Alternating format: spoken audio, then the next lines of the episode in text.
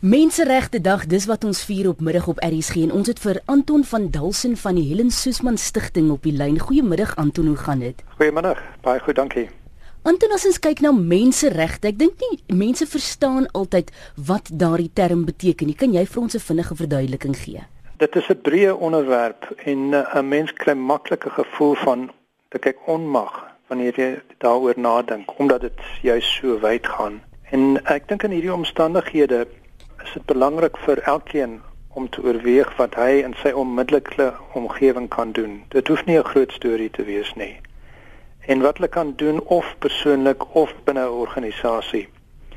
En uh om die Helen Suzman Stichting as 'n voorbeeld te neem. Ons ons benadering is dat as 'n konstitusionele demokrasie soos in Suid-Afrika nie behoorlik werk nie, is dit baie moeilik om in te sien hoe menseregte bevorder kan word. En ons sien dus die uh, integriteit van staatsinstansies en die oppergesag van die reg, die sogenaamde rule of law, as 'n noodsaaklike gedeelte van die raamwerk. Ons probeer dus om staatsinstansies en politieke verantwoordelikes aanspreeklik te hou vir doen en late.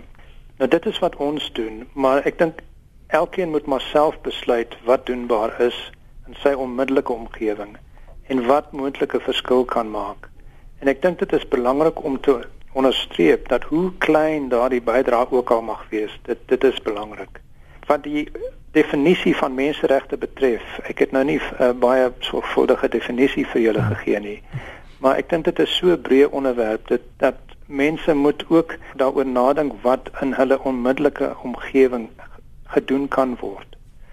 En ek dink mense hoef nie altyd die groot dinge aan uh, aan te pak nie dis met klein dingetjies wat dit begin. Nie almal het die finansiële kapasiteit om uh jy weet advokate en prokureurs aan te stel nie en met dit in gedagte, wat moet so tipe ou doen die oomblik wat sy menseregte geskend word? Ag daar daar is baie weer wat 'n mens kan doen. Uh die die eenvoudigste manier is net om uh, direk uh, by watter instansie of waar ook al 'n mens voel dat jou uh, menseregte geskend word, dat mens direk daar dinge aanmeld en dat mense dit daar begin. En ek dink 'n mens moet nie aan aanvaar of aanneem dat daar geen ehm um, dat daar noodwendig geen reaksie sal wees nie. Ek dink dit is by daardie direkte by die toonbank waar 'n mens moet moet begin ehm um, om uh, advokate en en prokureurs in te skakel. Dit gebeur eers veel later. Uh en dit is eers as dinge 'n sekere momentum gekry het. Maar ek dink net klein dingetjies mense moet moet uh moet moet sê wat hulle voel en en as hulle voel dat daar 'n skending van menseregte is, hulle moet dit onmiddellik daar en dan aanmeld of uh publisiteit gee. Die die pers, dit kos niks vir vir uh, uh ons het 'n uh, vrye pers in Suid-Afrika wat ontsettend belangrik is. En dit kos niks om uh om uh, sekere gegevens uh, aan joernaliste uh, te gee nie en wat oor die algemeen baie geïnteresseerd is in hierdie soort van goed. En dit dan Anton van Dalsen van die Helen Soesman Stichting baie dankie vir daardie insiggewende geselsie en uh, sterkte met die werk wat julle vorentoe doen. Baie dankie. Advokaat Lucretia Seafield is ook op die lyn saam met ons en iets waarna ek graag wil raak is sosiale media. Ons het die afgelope 2 jaar 'n ontploffing op sosiale media, spesifiek Twitter gesien waar mense regtig mekaar aanvat en mekaar lelike goeters toets nou en dan het daar lelike sake daar uitgekom ook.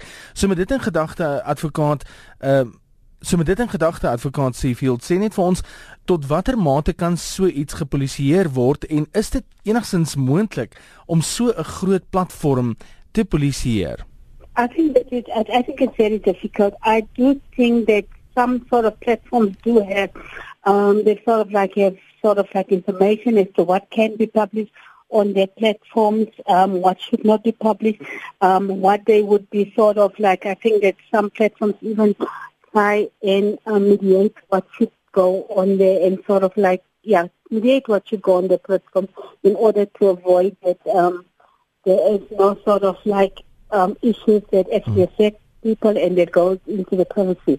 But I do think it is, as although social media is a very sort of important and powerful um, mechanism modality to actually create awareness on, on those rights, there is a sort of like um, the problems associated with it that it cannot be completely policed and um, you do find that people's rights are being infringed in that manner. Mm. And I think that uh, there's case law that indicate that people could actually take up the matter. They could actually bring um, litigation on the basis of their sort of right to privacy, uh, um, protection of their right to privacy and invasion of their right to privacy if this is invaded. Um, but as I said, uh, uh, but we have to bear in mind that those are possibilities, but litigation at the end of the day is an expensive um, option. I think the information regulator would always also be set up now, and um, it's just um, we most probably would see that our office would also have some function in actually mm. Enforcing people's rights and ensuring that people's privacy are protected. Ons sê dankie aan advokaat Lucretia Seafield.